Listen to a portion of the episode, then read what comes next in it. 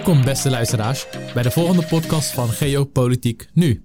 Vandaag gaan we het hebben over een heel interessant onderwerp, namelijk breekt er dit jaar een oorlog uit tussen Algerije en Marokko. Dat is een beetje een vreemde onder, uh, vreemd onderwerp zou je denken, dat dacht ik eerst ook. Zij twee landen met grotendeels dezelfde gelijkenissen op het eerste oog. Maar het gaat toch niet lekker tussen deze twee buren. En hoe je dat ook ziet, een effect daarvan is dat er laatst één tot twee weken geleden was er een Afrikaans voetbaltoernooi in Algerije. De African League of Nations. Waarbij dus Afrikaanse landenteams tegen elkaar in competitie zijn. En Marokko was uitgesloten, want om mee te doen moet je natuurlijk ook vliegen naar Algerije. En er is geen directe luchtverbinding tussen Marokko en Algerije, waardoor Marokko er niet aanwezig kon zijn.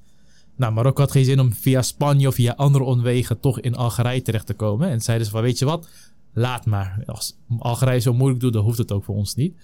Maar dat is dus een effect. Dus daar zie je heel duidelijk in terug dat de relatie tussen deze twee buren... en waarschijnlijk ook op people-people niveau, zoals dat in Engels zeggen... dus tussen het volkeren, tussen mensen onderling, ook niet zo lekker is. Michel, als we de diepte ingaan, de geschiedenis ingaan... wat is er eigenlijk aan de hand? Waar kunnen deze twee buren die op het oosten op zich zo best wel veel op elkaar lijken, toch niet samen door één deur? Ja, uh, dankjewel uh, voor de goede vraag. Ik denk dat het te maken heeft met één, de westelijke Sahara. En de westelijke Sahara ligt ten zuiden van Marokko. Even voor de geografische duidelijkheid. Algerije en Marokko liggen linksboven in Afrika, in het noordwesten. Marokko ligt aan de Atlantische Oceaan. Algerije ligt aan de Middellandse Zee. En ten zuiden van Marokko ligt de westelijke Sahara. En de westelijke Sahara is tot en met 1975 gekoloniseerd geweest door Spanje. Spanje stond dus zwaar onder druk, ook vanwege interne uh, aangelegenheden, maar ook uh, door de internationale gemeenschap om afstand te doen van de westelijke Sahara. Nou, op een gegeven moment stuurt Marokko 300.000 burgers naar de westelijke Sahara toe. Als teken eigenlijk van annexatie en overheersing. En Spanje stond toen voor die keuze: gaan we een oorlog aan of trekken we ons terug? Spanje koos voor het laatste. En dat zette eigenlijk al direct de spanning tussen uh, uh, Algerije en Marokko op scherp. Want Algerije wilde niet dat de westelijke Sahara Marokkaanse uh, handen zou vallen en vice versa. Marokko probeerde dat toch wel en heeft sindsdien eigenlijk de westelijke Sahara gekoloniseerd en gedomineerd. Vanaf dat moment gaat Algerije al gelijk Polisario steunen. Dat is de onafhankelijkheidsbeweging van de Sahari-bevolking van de westelijke Sahara. En dat vond Marokko natuurlijk niet leuk en dat zette die verhoudingen enorm onder druk. De tweede reden gaat om de Algerijnse provincies Tindouf en Béchar. Dit zijn provincies die Algerije toebehoren, maar waar Marokko een claim op heeft. Ten tijde van de decolonisatieoorlog behoorden deze gebieden eigenlijk tot, laat ik het zeggen, Frankrijk. Mm-hmm. Later heeft Frankrijk ze toegevoegd aan Algerije. En terwijl ze van oudsher, in de ogen van Marokko in ieder geval, tot Marokko behoorden. Het zijn provincies die in het westen van Algerije liggen, dus tegen de grens van Marokko aan, en waar veel grondstoffen gevonden zijn. Dan weet je ook gelijk waarom er zoveel om gegeven wordt. Inderdaad, want vaak geeft niemand om een stuk grond totdat er wat gevonden wordt. Inderdaad, totdat er ja. wat gevonden wordt. Dat is daar niet anders. En Algerije die heeft deze gebieden eigenlijk ten tijde van de decolonisatieoorlog tegen Marokko gezegd: wij zullen na deze oorlog met elkaar kunnen onderhandelen wat er met deze uh, gebieden gebeurt. Maar na de onafhankelijkheid en anderhalf miljoen naar verluid uh, gestorven Algerijnen in die onafhankelijkheidsoorlog. Van de 8, 9 miljoen die er toen waren. Ja, dus Zo. heel veel mensen zijn in Algerije gestorven in de onafhankelijkheidsoorlog. Ja. Dat heeft echt een gigantische invloed op het land gehad. Heeft Algerije gezegd: nee, wij kunnen in 1962, toen het onafhankelijk werd van Frankrijk, deze gebieden niet overdragen aan Marokko. We gaan daar ook niet over onderhandelen. En dat had te maken met: we hebben zo'n zware strijd geleverd dat is niet te verkroppen voor onze burgers als we nog meer gebieden zouden weggeven. Precies. En zij okay. vonden ook dat ze van oudsher daar aanspraak op maakten. En er zijn natuurlijk ook grondstoffen gevonden. Dus na een uitputtende oorlog wil je dat niet zomaar afstaan. Marokko, die heeft gezegd: wij hebben jullie gesteund tijdens de onafhankelijkheidsoorlog. Ja. Jullie hebben toen uh, gezegd dat we erover zouden praten. Dit is niet acceptabel. Ja, wat en... we doen denken, ja, het is niet grappig hoor. Maar een uh, leuk anekdote met dit met de uh, Amerikaanse onafhankelijkheidsoorlog. Een van de redenen waarom zij onafhankelijk werden, ze moesten natuurlijk belasting betalen. Maar waarom dat was, was omdat daarvoor met de Franse oorlog gingen de Britten tegen de Fransen vechten. En zeiden ze tegen de Amerikanen, oké, jullie moeten ons later terugbetalen. En toen het erop aankwam, zeiden ze van nee, we willen het niet meer. En dat zie je een beetje hier ook weer in terug. Dat is de Marokkanen hielpen de Algerijnen, omdat Fransen hadden hun gebied, de twee provincies, afgepakt. En de Marokkanen wilden dat, of de Marokkaanse leiderschap wilde dat graag terug. Steun de Algerijnse onafhankelijkheidsbeweging. Zeggen: Oké, weet je wat? Geef, help ons. En als we onafhankelijk zijn, kunnen we jullie helpen. Eigenlijk bedoelen ze daarmee: dan krijgen jullie de provincies terug. Uh, en als het eigenlijk puntje bij paaltje komt, krijgen ze het niet terug. Zien we daar ook dan de eerste fracties ontstaan? Jazeker, dus ja, 1962 ja. onafhankelijkheid van Algerije. 1963 breekt de oorlog uit tussen beide landen. Okay. Uh, de kortdurende zandoorlog. En daar was eigenlijk de oorlogsbuit uh, deze twee provincies. Die probeerde Marokko van Algerije uh, te veroveren. Nou, dat is dus de tweede reden dat er veel spanningen zijn tussen beide landen. Dus naast de westelijke Sahara gaat het om Tindouf en Béchar. En dan de derde reden is de steun van Algerije voor Polisario. En de steun, in ieder geval de ogen van Algerije, van Marokko voor de provincie in het noorden van Algerije, Kabylië. En dit is een Berberse provincie met separatistische sentimenten. Dus die willen onafhankelijk worden. En dat probeert Marokko gek genoeg aan te wakkeren in Algerije. Ja, Terwijl het in eigen land de Berbers toch wel onderdrukt. Met name in het Rifgebergte. Dat gaat er niet al te vriendelijk aan toe. Daar is niet altijd sprake van, uh, van gelijkheid. En deze drie redenen tezamen, de steun van onafhankelijkheidsbewegingen, Tindouf, Béchar en de westelijke Sahara, hebben ervoor gezorgd dat de landsgrenzen tussen beide landen sinds 1994 helemaal afgesloten zijn. Dat sinds 2021 de luchtwegen zelfs afgesloten zijn. Wat betekent dat je niet meer van het ene naar het andere land kunt over land. Maar ook niet door de lucht. Daardoor kon het Marokkaanse elftal niet deelnemen aan de African Nations Championship. Dat voetbaltoernooi waar je het net over had. En zijn ze economisch ook van elkaar geïsoleerd met ongelooflijk uh, vernietigende gevolgen voor een economisch potentieel. Ja, als we even, zometeen kijken we naar de gevolgen in het uh, nu en in de toekomst.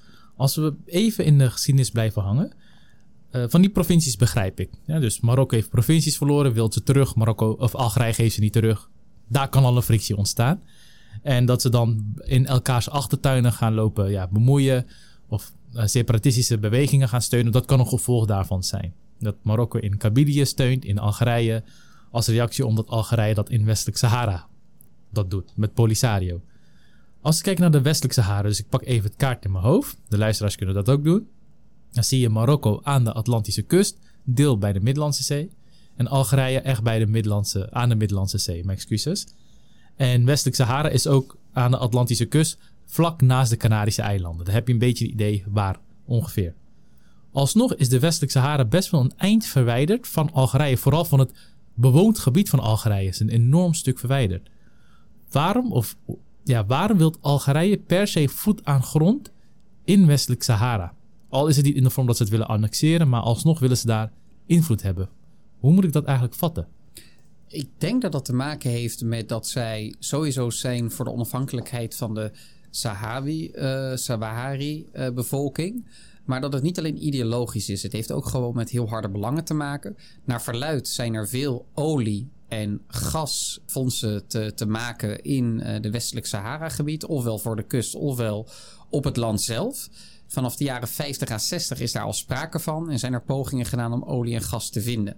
Dat is denk ik de tweede reden. En de derde reden is toegang tot de Atlantische Oceaan. Algerije is namelijk afhankelijk van de Gibraltarstraat. Dat is de straat tussen Marokko en, en Spanje. Uh, en, Spanje.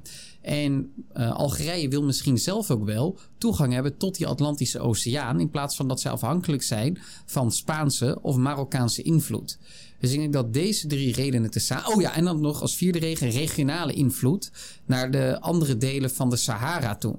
Waar ook heel veel separatistische en terroristische organisaties hebben gezeten.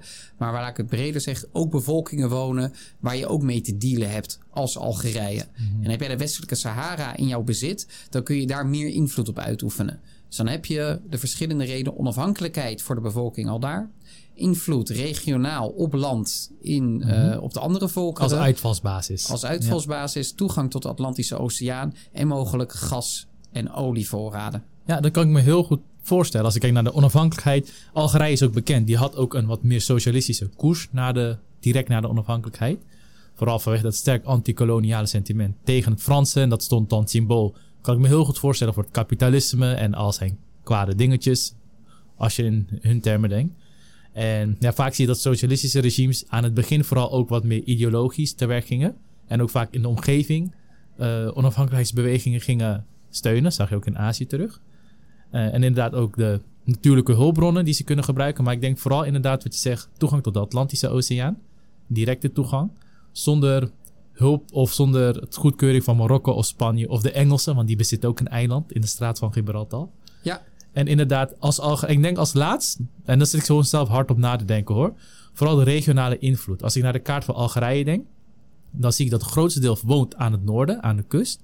En de rest is een, woest, een, ja, een oceaan van zand. Echt een, een Sahara, echt een groot oceaan. Met hier en daar wat mensen. En ik denk voor Algerije om te voorkomen dat allerlei groeperingen, of nou jihadistische of allerlei andere groeperingen, toegang krijgen tot het noorden.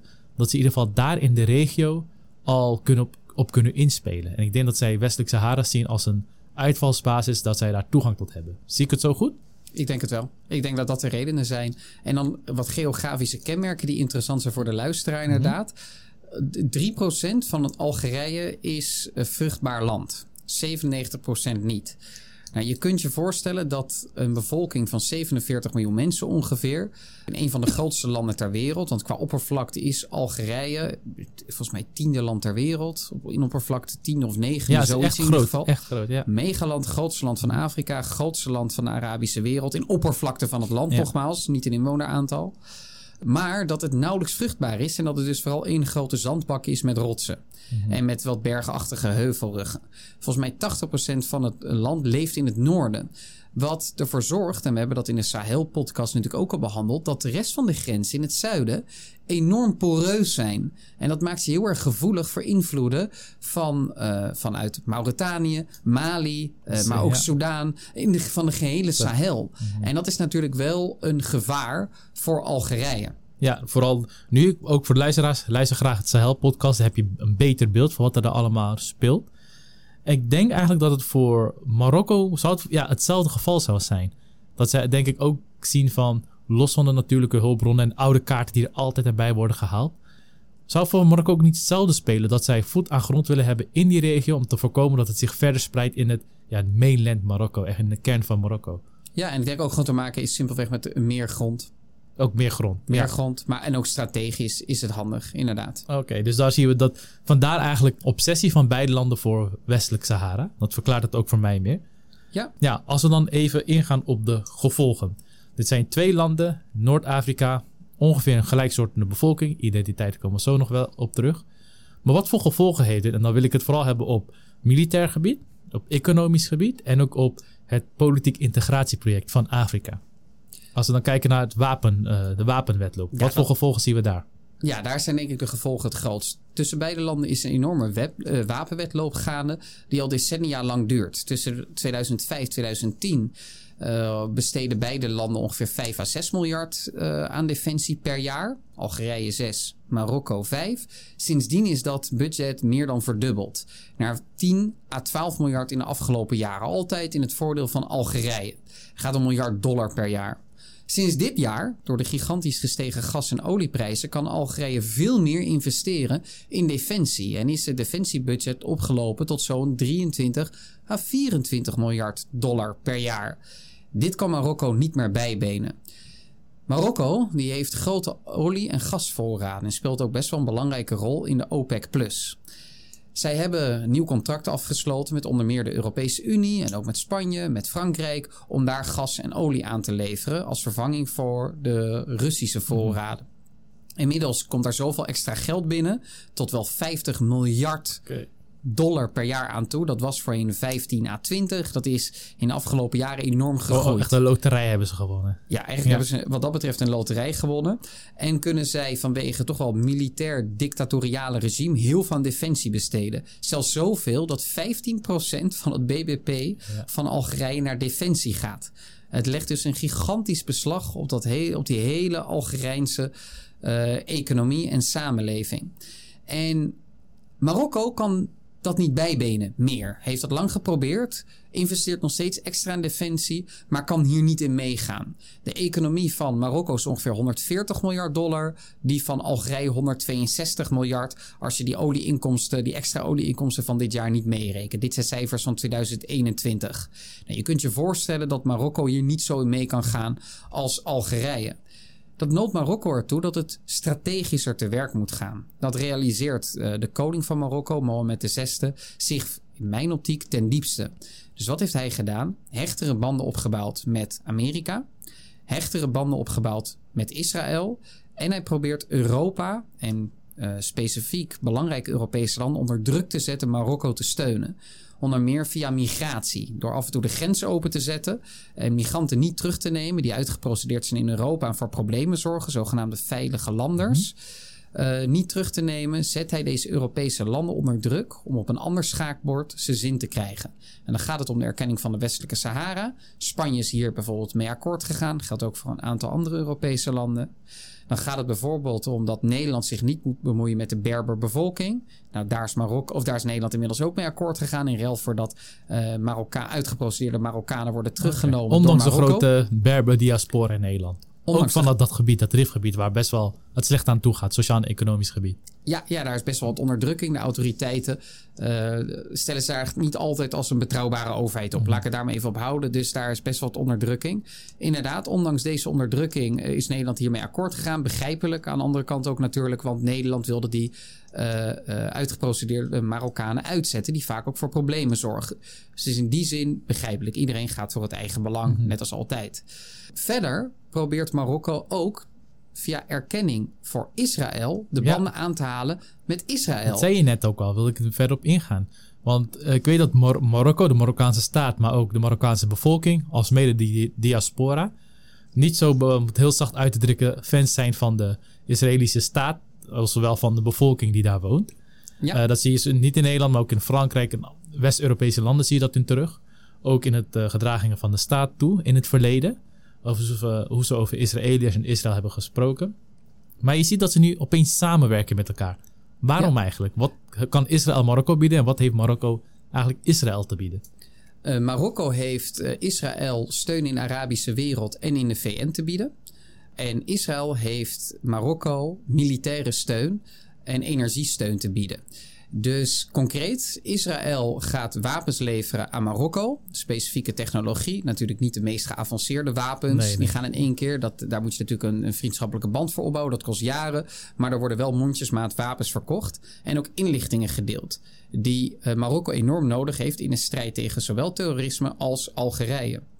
Daarnaast helpt Marokko, helpt Israël Marokko met de exploratie naar gas en olie voor de kust van de westelijke Sahara. En de Verenigde Staten die hebben in ruil voor de erkenning van Marokko van Israël de westelijke Sahara als onderdeel van Marokko erkend. Okay. Dat is in het staartje van de Trump-termijn ja. eigenlijk gebeurd. Want die, tijdens die Abraham-akkoorden, die werden gesloten. Ja, de Abraham-akkoorden, akkoorden tussen uh, Israël en bepaalde Arabische mm. landen, zoals Kuwait, Verenigde Arabische Emiraten en zo nog een aantal, om hechter met elkaar te gaan samenwerken. Laten we het daar maar even op ja. houden en elkaar te erkennen. Nou, dat is met Marokko, die heeft zich daar ook bij aangesloten, dus dat is daar ook gebeurd. En uiteindelijk zorgt dat ervoor dat Israël en Marokko hechter met elkaar optrekken. En dat Marokko ook steeds sterker leunt op de Verenigde Staten. Wat niet vreemd is, want al vlak na de onafhankelijkheid erkende Marokko als het eerste of een van de eerste landen de Verenigde Staten. En okay. stelde ook gelijk een vriendschappelijk verdrag op. Okay. Dat deze twee landen sindsdien ook bindt. En wat mij ook opviel toen ik zelf ook onderzoek deed, is dat Marokko ook nu al best wel moderne Amerikaanse wapentuig heeft. Als je kijkt naar de straaljagers, ze hebben de F-16, ook de geüpgrade versie daarvan. Ja, uh, de M1 Abram, de M1 Abram tanks, een van de beste tanks in de wereld, Amerikaanse tanks. Uh, dus de wapen, of althans de defensie samenwerking met Amerika staat er al. De infrastructuur staat er al. Zeker. Ja, okay. en het is ook de enige mogelijkheid voor Marokko om zich te weer te stellen tegen Algerije, dat van oudsher gesteund wordt door de Sovjet-Unie en dat dus een veel groter wapenbudget heeft. Marokko ja. moet slim zijn. En onderdeel van slim zijn is zijn sterke coalities opbouwen met Israël, met, uh, met de Verenigde Staten en ook met Spanje. Ja, en ik denk ook met Israël. Israël heeft zich bewezen dat de wapentuig, de defensieapparatuur van Israël van zeer hoogstaande kwaliteit is. En ik denk dat Marokko zo wil inspelen op meer kwaliteit. in ieder geval daar proberen in te halen. Aan het begin, terwijl ik aan het voorbereiden dacht, dacht ik, oh interessant, Marokko speelt in op kwaliteit. En Algerije misschien op kwantiteit, gezien de bedragen. Maar dat is denk ik eigenlijk ook niet zo, want zij willen meer samenwerken met Frankrijk. En dat is, dat is, zijn ook, dat is ook defensieapparatuur van een dermate hoog kwalitatief niveau. Waarom willen ze opeens dat? Uh, waarom die haast voor een inhaalslag? Ja, de inhaalslag die is vooral uh, gestimuleerd door het besef dat westerse wapens superieur zijn aan Russische wapens. En de Sovjet-Unie was natuurlijk het oude Rusland. Ja, Laat ik daar even op houden. Dus ze hebben Russische wapens in Algerije. En die willen ze vervangen met superieure wapens die de strijd met Marokko aankunnen potentieel. En daarvoor heb je westerse leveranties nodig. En dat kan soms ook vanuit Zuid-Korea, Japan uh, of in dit geval Frankrijk zijn. En sinds anderhalf jaar, jaar zijn de banden tussen Algerije en Frankrijk aangehaald, terwijl die voordien niet zo sterk waren.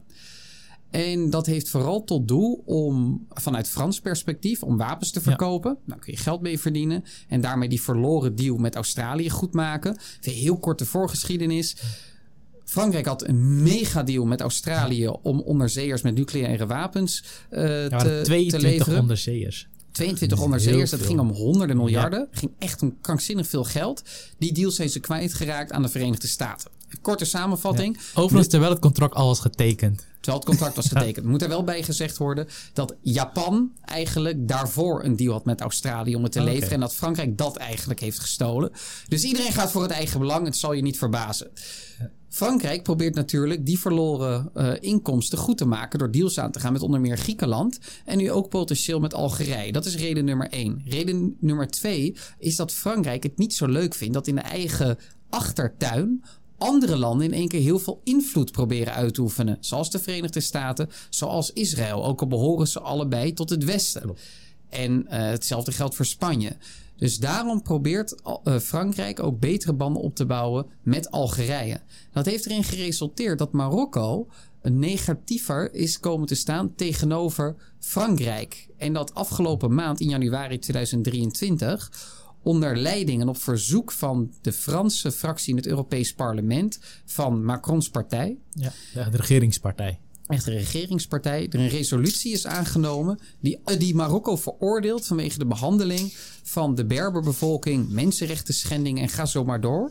Terwijl het Algerije volledig ja, onbesproken Terwijl die hetzelfde doet. Precies hetzelfde doet. Terwijl ze beide hetzelfde doen. Beide worden gedomineerd door Algerije, door Arabisch georiënteerde mensen die Berbers onderdrukken. Daar komt ja. in de kern toch wel opvallend vaak om neer. Inderdaad. En natuurlijk onderdrukken ze ook andere bevolkingsgroepen, zoals vrouwen, uh, waar we misschien ook nog even over ko uh, kunnen komen te spreken, en religieuze minderheden. Maar zeker naar de Berbers toe is er sprake van onderdrukking. Gebeurt in Marokko, gebeurt in, Frank uh, gebeurt in Algerije. En de nette consequentie is nu dat Frankrijk, de Franse partij van Macron, Algerije niet veroordeelt, maar Marokko wel. Ja. Nou, Marokko heeft hier woedend op gereageerd en probeert dan ook Frankrijk weer onder druk te zetten. Oké, okay, dus het hele interessante, maar dat zie ik in elk geopolitiek schouwspel, zie je dat terug, is dat er sprake is van strijd tussen belangen, tussen groepen. En dat ze daar een historisch, uh, ja, een historisch sausje eromheen proberen te doen, ideologisch, religieus, noem het maar op. Maar zodra er sprake is van een heroriëntatie van belangen, dat, ja, er is er van een film All You Need Is Time and Pressure, dat zelfs de meest geharde ideologische denkbeelden kunnen veranderen, als je maar de juiste tijd en druk aan geeft. Zo, kijk maar naar Marokko en Israël heel lange tijd negatief, vooral Marokko, heel negatief gekeken naar Israël. Ze werken nu samen niet alleen op defensiegebied, maar ook op economisch gebied. En Israël wil daar natuurlijk Arabische steun voor terug. Kan ik ook heel goed begrijpen vanuit Israëlisch perspectief. Ook, ik denk ook politieke regimebelangen. Komen we zo op terug hoor. Maar ik denk dat ook sprake is van een regimebelang als je kijkt naar Trump en naar Netanyahu in die tijd. Dat ze ook een eigen politieke belang hadden om dit te kunnen tekenen. Maar inderdaad ook met Frank Frankrijk en Algerije. Algerije is een heel negatieve kijker naar Fransen. Ook een beetje logisch als je ziet hoe bloedig uh, de onafhankelijkheidsoorlog aan toe ging. Maar dat je ook daar hier weer een herrijking van belangen plaatsvindt. En eigenlijk ook dat je in Europa, in het Westen niet kan spreken van het Westen als één geheel. Nee, maar ik denk dat, dat we daar echt eh, mee moeten stoppen. Met het Westen zien als één unitaire actor die altijd hetzelfde ja. handelt. Heel veel mensen vergissen zich in de enorme diversiteit aan belangen en ideologieën en oriëntaties in het Westen. Frankrijk houdt er eigenlijk al heel lang een behoorlijk autonome, onafhankelijke uh, buitenlands beleid op na. dat ook vaak zat indruist tegen de Amerikaanse belangen. Vaak zat ook niet, maar vaak, vaak zat ook wel. En als ik één advies zou mogen geven aan, luiter, aan leiders buiten de westerse wereld, portretteer het Westen niet als een unitaire actor. Je doet het Westen tekort, maar vooral ook jezelf. Maak gebruik van de verschillende belangen die er zijn in westerse landen en tussen westerse landen. Ja, en dat heb je denk ik ook over heel de wereld. Ja, uh, ja dus dat je. En natuurlijk, Frankrijk wil ook zijn verloren gelden ook terugverdienen. En ook invloed hebben op Frans-Afrique. Nogmaals, luister podcast van de Sahel in terug. Dan komt dit ook heel uitvoerig aan bod over Frans-Afrique. Wat het precies is. Kort gezegd, Frankrijk wil zijn invloed in Afrika behouden. Vanwege allerlei redenen. Nou, je hebt het zelf al gezegd over er zijn verschillende belangen. Ja, verschillende. Er is niet het Westen, zo zal er ook niet het al, de Algerijn of de Marokkaan, de Marokkaan zijn. Maar als we even naar die twee landen kijken, van de Marokkaan, de Algerijn, wat is dat precies? Nou, vaak zie je dat bij moderne staten, staten, landen zijn een modern fenomeen, dat er sprake is van verschillende deeletniciteiten. En uit onderzoek dat ik heb gedaan, zie ik dat er vooral sprake is van Berbers, Arabisch en een mix tussen Berbers en Arabisch. Wat kan je eigenlijk daarover vertellen?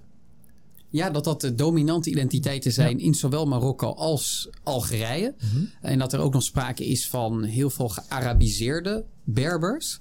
En het leuk feitje daarbij is dat hoewel sommige mensen een heel sterke Arabische identiteit hebben, dat uit onderzoek blijkt dat hoe sterker jouw Arabische identiteit is, hoe meer, hoe groter de kans eigenlijk mhm. is dat jij een Berberse etniciteit hebt. Dus Arabische identiteit, Berbers bloed. Natuurlijk gaat dit om gemiddelde, niet op iedereen één op één van ja, toepassing. Je zult ook gewoon echt Arabi Arabieren hebben, etnisch en qua identiteit. Zeker, maar dit legt dus bloot dat er soms een enorme tegenstrijdigheid kan zitten tussen bloed en identiteit. En dat zal ons ook niet helemaal verbazen. Omdat nou, toen wij op de middelbare school zaten, Rajiv en ik hebben op dezelfde middelbare school gezeten. Hij heeft natuurlijk een Hindoestaanse achtergrond. Ik ben, ben half Grieks, half Nederlands. En toen moesten we in de vijfde voor een, eh, het vak geschiedenis uh, aan het Academie in Den Haag een, uh, een nationalistische test doen. Dus hoe nationalistisch ben je eigenlijk? Daar werden geen consequenties aan verbonden, maar dat wilde docent, meneer Kramer, in kaart brengen. Aan het einde werd de ranglijst als het ware bekendgemaakt. En toen kwam er naar voren toe dat een Serviër, een Italiaan, een Hindoestaan, Rajiv en ik, en een halve Griek de sterkste Nederlandse nationalistische sentimenten hadden van de hele klas. Waar ook talloze uh, autochtone Nederlanders in zaten. Die, hadden het minst eigenlijk. Ja, die hadden het minst. Die hebben en die komen dan ook uit het rijke deel van Den Haag. Dus die gaan heel erg prat op hun cosmopolitische identiteit. Ook uh, omdat ze zondag sushi eten. Dat is een beetje de kern van hun identiteit. Ja. Gek schrift. Ik wil natuurlijk als schijntje, maar af en toe kan ik niet zo kern goed... van de waarheid in elk grap. ja, kan ik niet zo goed tegen mensen die zichzelf een cosmopolitische uh, identiteit aanmeten. Maar niet eh, weten wat, uh, wat er in België speelt. Ja, ja, ja. Dan, als er een vraag stelt over Kazachstan en daarna ga je naar Zimbabwe en je vraagt af en toe over ietsje meer dan uh, hun eigen leefomgeving. Voor mij is het te simpel. Ik geloof niet in een cosmopolitische identiteit. Maar dat is even voor mij persoonlijk. Mm -hmm. Ik respecteer ook zeker iedereen die daar anders over denkt. Maar daar zag je dat principe dus ook terug. Dat er een verschil kan zitten tussen bloed en identiteit. Bij ons ons persoonlijk is dat dus ook het geval. Dat geldt dus, geldt dus ook voor heel veel Marokkaanse, Marokkanen met een Berberse etniciteit en een Arabische identiteit. De Arabische entiteit die doet eigenlijk intreden vanaf de 7e eeuw. En vanaf de 8e, 7e, 8e eeuw. Want daarvoor was het bewoond door Berbers, Marokko en Algerije. Ja, alleen... Het noordelijk gedeelte natuurlijk. Ja, ja, was het alleen het noordelijke gedeelte, met name het bergachtige mhm. gedeelte, bewoond door Berbers. Dat zijn oorspronkelijke bewoners. Nou, vervolgens natuurlijk opkomst van de islam op het Arabisch Schiereiland. En komt er een enorme uh, expansie onder de eerste vier kaliefen met name. Onder meer Umar, uh, ja. uh, Uthman, Ali. Naar het westen van, van, van het Afrikaanse continent, het noordwesten. Dat was het eerste Umayyad-kalifaat, kan ik me herinneren. Ja. En een leuk feitje, toen ik naar Marokko ging, uh, ging ik naar het museum. En blijkt dus dat de Berbers uh, een van de laatste, al waren ze honderden eeuwen onder Arabisch-Islamitisch bestuur.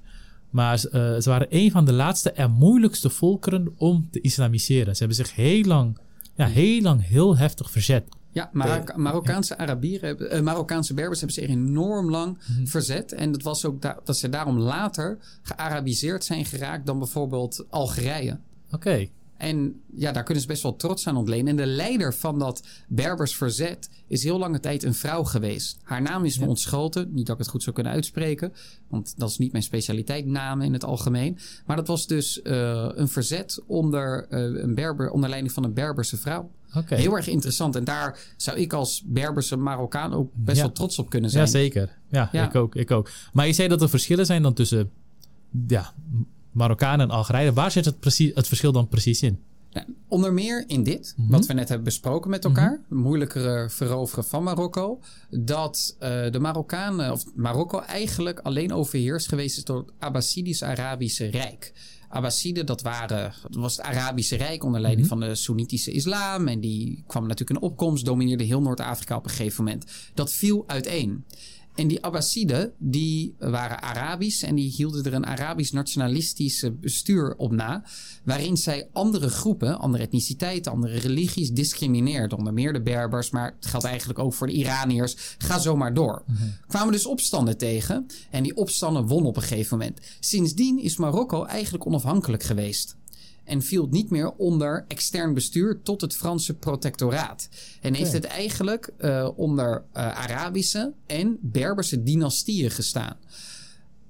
Dat geldt niet voor Algerije, daar kom ik zo nog ja. op terug. Sinds 1666 zijn de Alawiën uh, aan de macht mm -hmm. in Marokko. Dat is het koningshuis, dat is die familie. Dat is iets anders dan de Alewieten, de Shiïtische Alewieten ja. in Turkije en Iran. Dus dat moet je even helemaal buiten beschouwing laten. Het zijn Soenitische moslims. Uh, en deze Alawi hebben sindsdien de macht, sinds 1666. En het is dus één lijn. Okay. En dan ook met name één koning even bespreken, die in de 17e eeuw aan de macht was, Mohammed III. En die heeft een heel erg, uh, ja, desastreuze situatie in uh, Marokko geërfd. Waar er heel veel sprake was van invallen, separatistische bewegingen, uh, plagen, overlijdens en ga zo maar door. En hij stond voor een situatie die moeilijk was. En hij is uiteindelijk een jaar of veertig, zeg ik uit mijn hoofd, aan de macht geweest. En heeft geprobeerd zichzelf op de troon te houden, en daarmee zijn familie, en Marokko bijeen te houden. Dat deed hij door hervormingen toe te passen. Onder meer door bepaalde Berberse bewegingen, vrijheidsbewegingen, meer autonomie te geven, meer vrijheid te geven, dat ze zelf belasting konden heffen. Eén ding moet je namelijk weten is dat Marokko heel bergachtig is, dat is één. En twee, heel moeilijk begaanbaar, omdat het zo zandachtig en heet is ja. en nauwelijks water Dat viel mij ook op toen ik uh, daar was. Het was heel extreem bergachtig. Ja. En ook zelfs bij mijn moeder zei ook van, ja, hoe hebben ze contact met elkaar? Maar ja, nou, die, vraag, ja. die vraag, dat is de beste vraag die je kunt stellen. Want ja. daar komt het op neer. Heb jij weinig contact met elkaar? dan kun je natuurlijk ook moeilijk een gemeenschappelijke identiteit opbouwen. Dat is precies de vraag ja. waar het om gaat. En dat is in Marokko dus heel erg moeilijk gebleken. En daardoor heeft, hebben veel meer groepen een eigen identiteit. Wereldwijd is dit principe van toepassing. Hoe moeilijker je contact met elkaar kunt hebben, vanwege bergen, mm. vanwege weinig waterwegen, zoals in Spanje bijvoorbeeld, hoe langer die kleinere identiteiten in de bergen, Zwitserland, hetzelfde verhaal, Koerdistan, hetzelfde verhaal, Marokko, hetzelfde ja. verhaal, in stand blijven. Dat zorgt ervoor dat als jij belasting moet heffen, regels moet handhaven, dat dat veel moeilijker ging. Mm -hmm. En waar de koningen dat voorheen probeerden, heeft Mohammed III daar een einde aan gemaakt en heeft meer autonomie gegeven aan de verschillende deelentiteiten en groepen in Marokko. Daarmee stelde hij twee dingen zeker. Eén, zijn eigen macht, al was het wat afgerand. En twee, de inblijving van, dus de -hmm. eenheid van Marokko. Dat zorgt er heden ten dagen voor dat Marokko heel moeilijk een centralistisch geleide politiek kan voeren. Regels kan opleggen aan bepaalde regio's en daarmee economische groei kan stimuleren. On, ondanks dat het een soort semi-absolute monarchie is. Ja. Waarbij de koning best wel veel macht heeft. Tuurlijk, op papier is iets altijd anders dan in de praktijk. En in de praktijk heeft hij gewoon te kampen met uh, een tot op zekere hoogte verdeelde samenleving. En wil jij bepaalde economische activiteit ontplooien, moet je ervoor zorgen dat verschillende regels over van het land gelden. Als het gaat om bezit, als het gaat om belastingheffing, als het gaat om bureaucratie, tegengaan van corruptie, ga zo maar door. Is het een gedecentraliseerd land waar iedere regio eigen regels kan maken, ga zo maar door, dan is dat heel erg lastig om dat af te dwingen.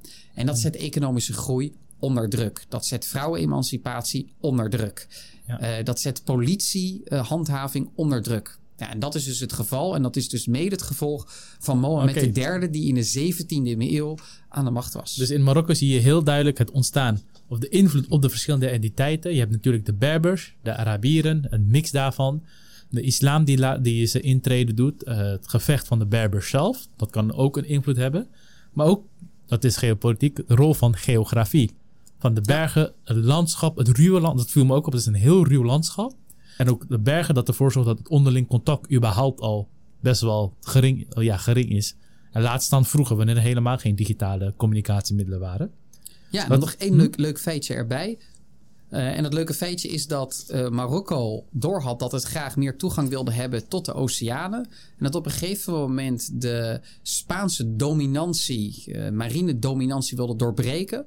Door te gaan samenwerken met Queen Elizabeth, zeg ik aan mijn hoofd, eeuwen geleden, 16e ja. eeuw, 16e, 17e eeuw om uh, de Spaanse dominantie op zee te doorbreken. En dat zij beide Spanje ten dele zouden koloniseren. En dat dan Marokko over Spanje zou heersen. Dat hebben ze natuurlijk ook een tijdje gedaan. Mm uh, toen was de Reconquista. Zijn er heel veel Iberische mensen van Spanje weer terug naar Spanje gestuurd. Uh, terug naar Marokko gestuurd. Mm -hmm. dat waren dan vooral moslims en ook Joden trouw trouwens. Heel veel Joden gingen ook naar het noorden toe. Heel veel moslims mm -hmm. naar Marokko toe. En dat zij daarmee ook de Amerika's wilden verdelen. Want daar waren de Spanjaarden natuurlijk aan de macht. Ja, ja. En dus die samenwerking tussen Marokko en het Westen, Verenigd Koninkrijk, Amerika, ja. die is er altijd wel op een manier geweest. logisch als je aan de Atlantische Oceaan zit. En overigens, voor degene die niet weten, Elisabeth, niet degene die laatst is overleden. Maar de eerste Elisabeth, zij is ook degene die de Armada heeft verslagen. Dat grootste Spaanse vloot. Wat bedoeld was om uh, Nederland het kopje in te drukken. Dus in die tijd vond het plaats rond de 80-jarige oorlog. Heb je een beetje een idee ja, als we dan, voor Marokko is het duidelijk. Als we dan kijken naar Algerije. Geef aan, is een heel ander verhaal. Ze hebben nu ook geen koningshuis, ze hebben president. En nou, wat ik heb begrepen, althans de elite, het politieke elite, is er wat meer een socialistisch van aard. Althans vanaf het begin van de uh, onafhankelijkheidsoorlog. Hoe zit het identiteiten in Algerije eigenlijk in elkaar? Eveneens Arabisch en Berbers ja. georiënteerd. Maar natuurlijk ook denk ik dat uh, wij moeten accepteren dat wij graag de wereld misschien zouden opsplitsen in westers, niet-westers, uh, islamitisch, niet-islamitisch, christelijk, niet-christelijk. Maar eigenlijk snijden belangen en identiteiten daar dwars doorheen. Dat zien we met Rusland tegen Oekraïne, het Westen tegen hmm. Rusland. Dat zien we met Marokko uh, tegen Algerije en ga zo maar door. Dus die Algerijnse identiteit bestaat uit meerdere lagen. En Berbers doet ertoe, uh, Algerijns doet ertoe en Arabisch doet ertoe. Het leuke is dat Algerije van oudsher best wel veel invloeden heeft gehad van onder meer Byzantijnse Rijk, uh, ja. de Venetiërs. Van de Romeinen uh, zelfs aan toe. Dan, ja, ja de Romeinen, de, de, de Westerse Romein, het West-Romeinse Rijk heeft daar een hele tijd geheerst. Uh, van de Berbers natuurlijk en ook van de Funiciërs. En de Funiciërs, dat was een volk vanuit Libanon dat op een gegeven moment heel Noord-Afrika bezat en in. Carthago, het huidige Tunesië, kwam te zitten. En toen ook delen van Algerije onder zijn uh, bezit kreeg. En een oorlog kregen zij met de, met de Romeinen. De beroemde Carthago-oorlog, Punische oorlogen. Heeft natuurlijk invloed gehad op de identiteit en de talen die gesproken worden in Algerije. Later kwam de uh, Arabische expansie daar overheen. En vanaf de 16e eeuw uh, is de Byzantijnse dominantie eigenlijk heeft dat plaatsgemaakt voor de Ottomaanse dominantie. En heeft tussen de drie en de vier eeuwen uh, Algerije onder uh, ja, koloniale macht, kol mm. koloniaal bestuur van de Ottomanen gestaan. Totdat de Fransen dat daar overnemen vanaf 1830. Eerst viel Egypte, later viel Algerije. En waren er heel diepe belangen van Frankrijk mm -hmm. in Algerije. Als het ging om exploratie van bepaalde grondstoffen, uh, handelsroutes, maar ook gewoon investeringen, bedrijven die daar zaten en productie van bepaalde landbouwproducten. Ja. Dus Frankrijk heeft veel diepere belangen altijd gehad in Algerije vanaf de 19e eeuw. Marokko werd eigenlijk pas een Frans protectoraat in 1912. Algerije werd dat pas vanaf 1830. En werd dat al vanaf ja. 1830. En daarom kon Frankrijk wel accepteren dat Tunesië en Marokko onafhankelijk werden vanaf de jaren 50. Maar accepteerde het absoluut niet dat Algerije onafhankelijk zou worden. Dat... Zelfs zo erg dat op een gegeven moment de Franse premier uh, Pierre Mendes France in november 1954 zei: De Algerijnse departementen zijn onderdeel van de Franse Republiek. Deze zijn Frans voor een lange tijd en deze zullen Zo. onherroepelijk Frans blijven. Dus het was voor hun bijna net alsof het een eigen provincie was. Dat Ja. eh, zich onafhankelijk, of echt of niet eens een kolonie, maar meer een, ze behandelt wel een kolonie, maar meer een Franse provincie die ze zouden kwijtraken. Ja, en er waren Eh, ook heel veel pied noirs. Dat zijn mhm. Franse burgers, Europeanen, die in Algerije woonden. In, in eh, Algiers, de hoofdstad van Algerije, was dat een derde.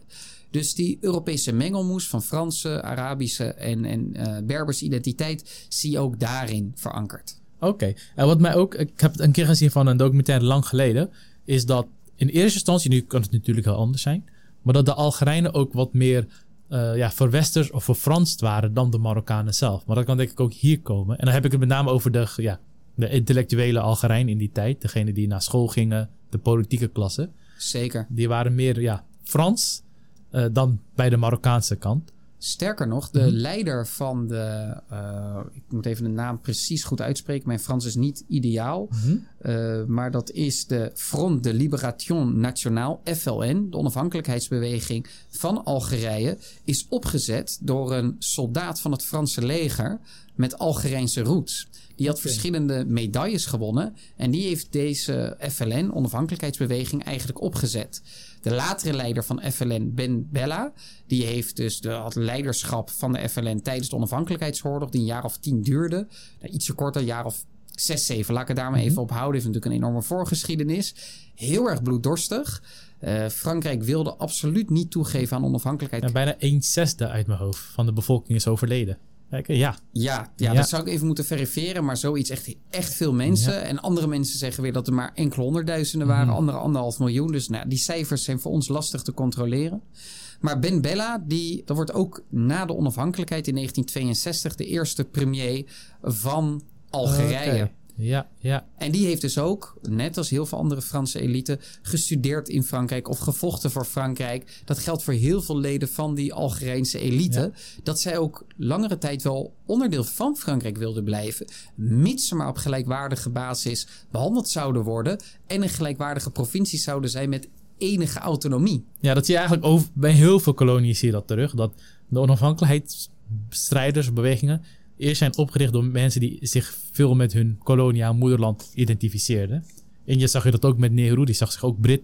Die wilde in eerste instantie ook gewoon een gelijkwaardige, ja, gelijkwaardige status. Maar dat is een, voor een andere keer. Ja, ik denk dat we hier, Huh? nou ja, wel interessant even Huh? benoemen. Dus dat die nationalistische identiteit intreden doet vanaf dat moment. En dat in Ja. die zin nationalistische identiteit ook kan leiden tot onafhankelijkheid en in die zin vrede. Ja. Als jouw nationaliteit een bepaalde eh, soevereiniteit krijgt. Dat is ergens ook wel gezond. Hou jij er een imperialistische identiteit op na, ja, dan kun je er allerlei nationaliteiten onder voegen.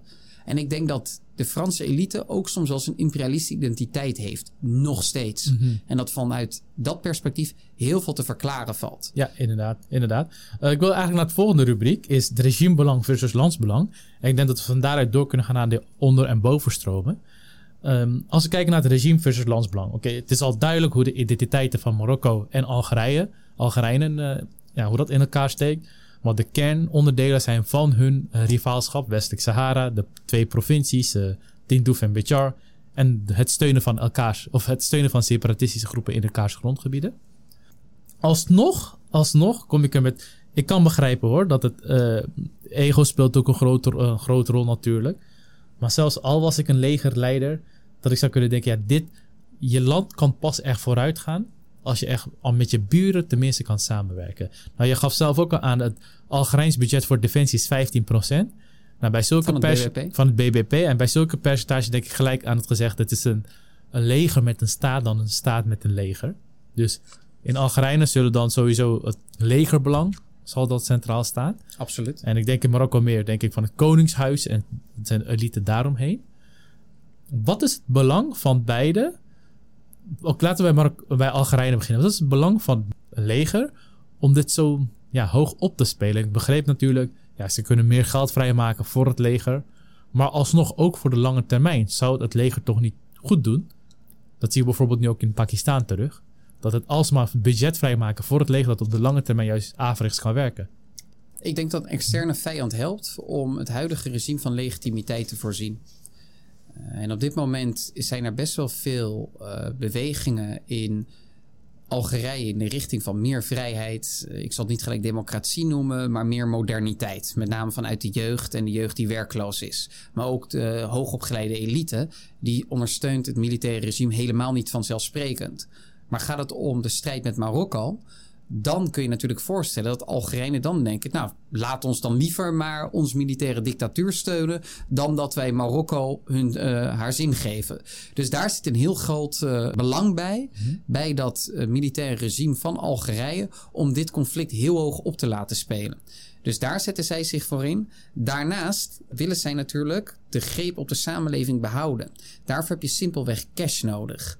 Wil jij het budget op defensie heel erg verhogen, moet je daar legitimiteit voor zien te vergaren. En dat is dus ook wat daar gebeurt. Eigenlijk zou je Egypte en Algerije wel met elkaar kunnen vergelijken. Hmm. En Marokko met de andere koningshuizen van de Arabische wereld. Van oudsher heeft de Arabische wereld in de afgelopen 50, 60 jaar altijd een soort van of seculiere dictator. Ja, dus Saddam met de baatpartij. Met de baatpartij. Nasser, Egypte. Nasser, ja. Dus er zijn talloze voorbeelden van. En dan kan die privé-moslim zijn, maar hij houdt er een seculiere politiek op na die wel islamistische uh, sentimenten uh, faciliteert. Of je hebt een koningshuis die wat meer probeert de verbinding te zoeken met het religieuze. En uh, op basis van de Koran en uh, verband, verbindenissen met profeet Mohammed. Alawi van Marokko. Mm -hmm. Die zeggen familie te zijn van uh, de vierde kalif. De okay. vierde opvolger van profeet Mohammed. Ali. En ook verwantschap te hebben met profeet Mohammed. Ja, ja. In het geval van Tebboune, de huidige president van Algerije, is daar totaal geen sprake van. Nee. Die doet daar helemaal geen beroep op. El Sisi van Egypte ook niet. Mohammed bin Salman van Saudi-Arabië weer wel. Ja. Mohammed bin Zayed van Verenigde Arabische Emiraten eveneens. Dus er is een regimebelang in het laten opspelen van dit conflict. Waar koningshuis versus dat seculiere komt te staan. En waar je ook legitimiteit nodig hebt voor defensie-investeringen en de greep van het leger op een samenleving. Oké, okay, dus dat, okay, dat zal voor mij ook inderdaad heel veel uh, verklaren. Tuurlijk, ook zelfs logisch, maar wij kunnen logisch nadenken, maar mensen zijn niet echt volledig rationele wezens. En ik denk ook bij geopolitiek speelt zaken als emotie en ja, emotie speelt ook een hele grote rol. En ik denk dat het ook hier een groot deel, uh, ja, voor een groot deel het geval is. Ja. Oké, okay, dus je hebt heel duidelijk in Marokko de, het belang van de koning en zijn kliek om hem heen.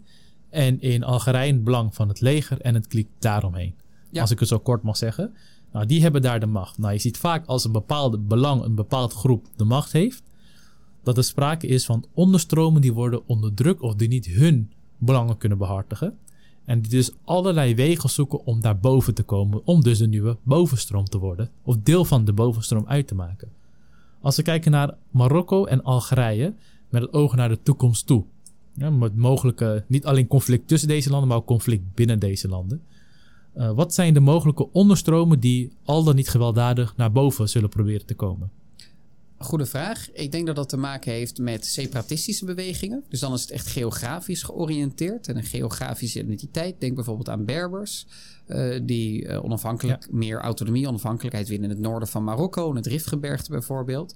Of in de westelijke Sahara, want dat is natuurlijk ook gewoon geannexeerd op dit moment. En daar worden, uh, wordt de bevolking daar ook absoluut niet goed behandeld. Daarnaast denk ik, Marokko heeft een soort van democratisch instituut, het parlement, waar gekozen voor kan worden. Het is een gemankeerd parlement. Het kan namelijk niet over alle beleidsterreinen zelf beslissingen nemen. Over heel veel beleidsterreinen is er een absolute monarch die bepaalt, de koning van Marokko. Maar daar zie je bij verkiezingen best wel een polarisatie terug tussen mensen die een conservatief-islamistische kant op willen en mensen, met name ook wel jongeren, uh, die in de steden wonen. Dus ruraal, meer conservatief, dat zie je daar ook terug. En meer uh, modern in de steden, mm. waar jongeren ook vooral op stemmen, die een meer ik weet niet hoe ik het moet noemen, moderne kant, westerse kant, vrijheidskant, democratiseringskant op willen. Meer vrijheid van meningsuiting. Iedereen heeft natuurlijk toegang tot internet en ziet wat de rest van de jeugd in andere landen doet en wil dat graag Inderdaad. zelf ook uitgaan, goede banen hebben, je leven opbouwen, een leuke auto hebben, ga zo maar door. Ik zeg altijd, heel veel landen, Azië, Afrika, Zuid-Amerika, die ageren tegen het Westen, maar ze willen wel naar leven. Zeker, ja. zeker de jongeren die willen daar Ja. eigenlijk dolgraag naar leven. Ja. En anti-Amerika sentimenten zijn in Marokko, met name in de steden, ook minder groot dan in veel andere Arabische landen. Eh, althans, blijkt dan uit Mhm. onderzoek van bepaalde instituten. Op individueel niveau kan dat anders zijn. Dus de koning moet hier de hele tijd tussen laveren. Hij kan niet vol één kant kiezen, omdat hij dan de andere identiteiten en de andere groepen te veel tegen zich in het harnas jaagt. Wat ik wel denk bij Marokko, waarom ik best hoopvol ben over de toekomst, is dat Marokko zich voor een simpele geopolitieke realiteit gesteld ziet. Namelijk dat jouw geopolitieke macht afhankelijk is van jouw economische kracht. Dat het heel duidelijk is dat Marokko niet zoveel wat fosfaat na grondstoffen heeft die het kan gaan exploiteren. Betekent dat je op een andere manier je geld moet verdienen. En dan zit het vooral in intellectueel kapitaal Ja, in en productie van goederen. Productie Ja. van goede industriële capaciteit. En dat kan alleen maar opgebouwd worden met goed opgeleide eh, en arbeidsproductieve leden van jouw bevolking. En daar moeten zowel vrouwen als mannen een rol in spelen. Interessante podcast die ik heb geluisterd, ook in aanloop naar deze podcast, was van vorig jaar, april 2022. Was van de BBC World. En dat ging over de Moroccan Question, zoiets. Ik kan me de naam niet helemaal precies meer herinneren. En dan was een heel panel van heel veel eh, Marokkanen die ook echt in Marokko leven. Dus niet in Europa, maar echt in Marokko leven. Die het hebben over eh, welke kant Marokko op moet. En het zal natuurlijk geen toeval zijn dat daar vooral westers georiënteerde, of in ieder geval modern georiënteerde leden voor zijn uitgenodigd. En daar werd ook gezegd dat de emancipatie van de vrouw op de arbeidsmarkt een van de belangrijkste doelstellingen is. En dat is gezegd door de woordvoerder van de koning zelf en van de regering. Die wilde dat opkrikken van 22 naar 30 procent. En ik denk dat dat te maken heeft met ja. Je moet je militaire apparaat betalen. Dat kan alleen maar als je geld. Ja, dat eh, gaat niet als je de helft van je bevolking uitsluit. Nee, als je zelf van je bevolking uitsluit en daarbovenop nog andere etnische minderheden, dan wordt het heel erg lastig. Dus ze moeten beter opgeleid zijn. En ik denk dat de eh, resource curse, dus eh, de vloek van jouw grondstoffen, dat dat Algerije meer teistert. Want al die gelden die binnenkomen, die kunnen ervoor zorgen dat zij voldoende kunnen uitdelen bij het volk, zodat zij tevreden zijn op de korte termijn.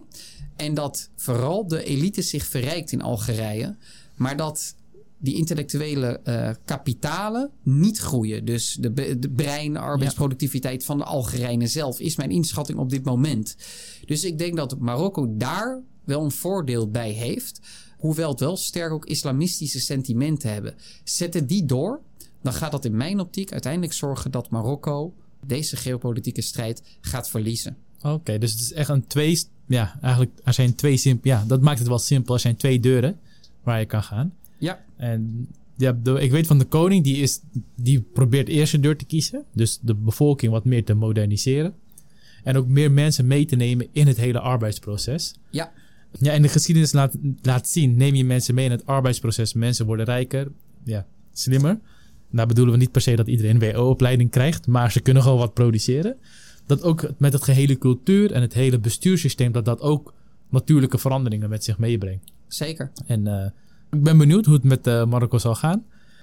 Denk je dat er dit jaar een oorlog uitbreekt? Zo niet, wanneer denk je dan van wel? Oeh, ik vind dat een heel lastige vraag. Als ik zou moeten gokken. Poeh.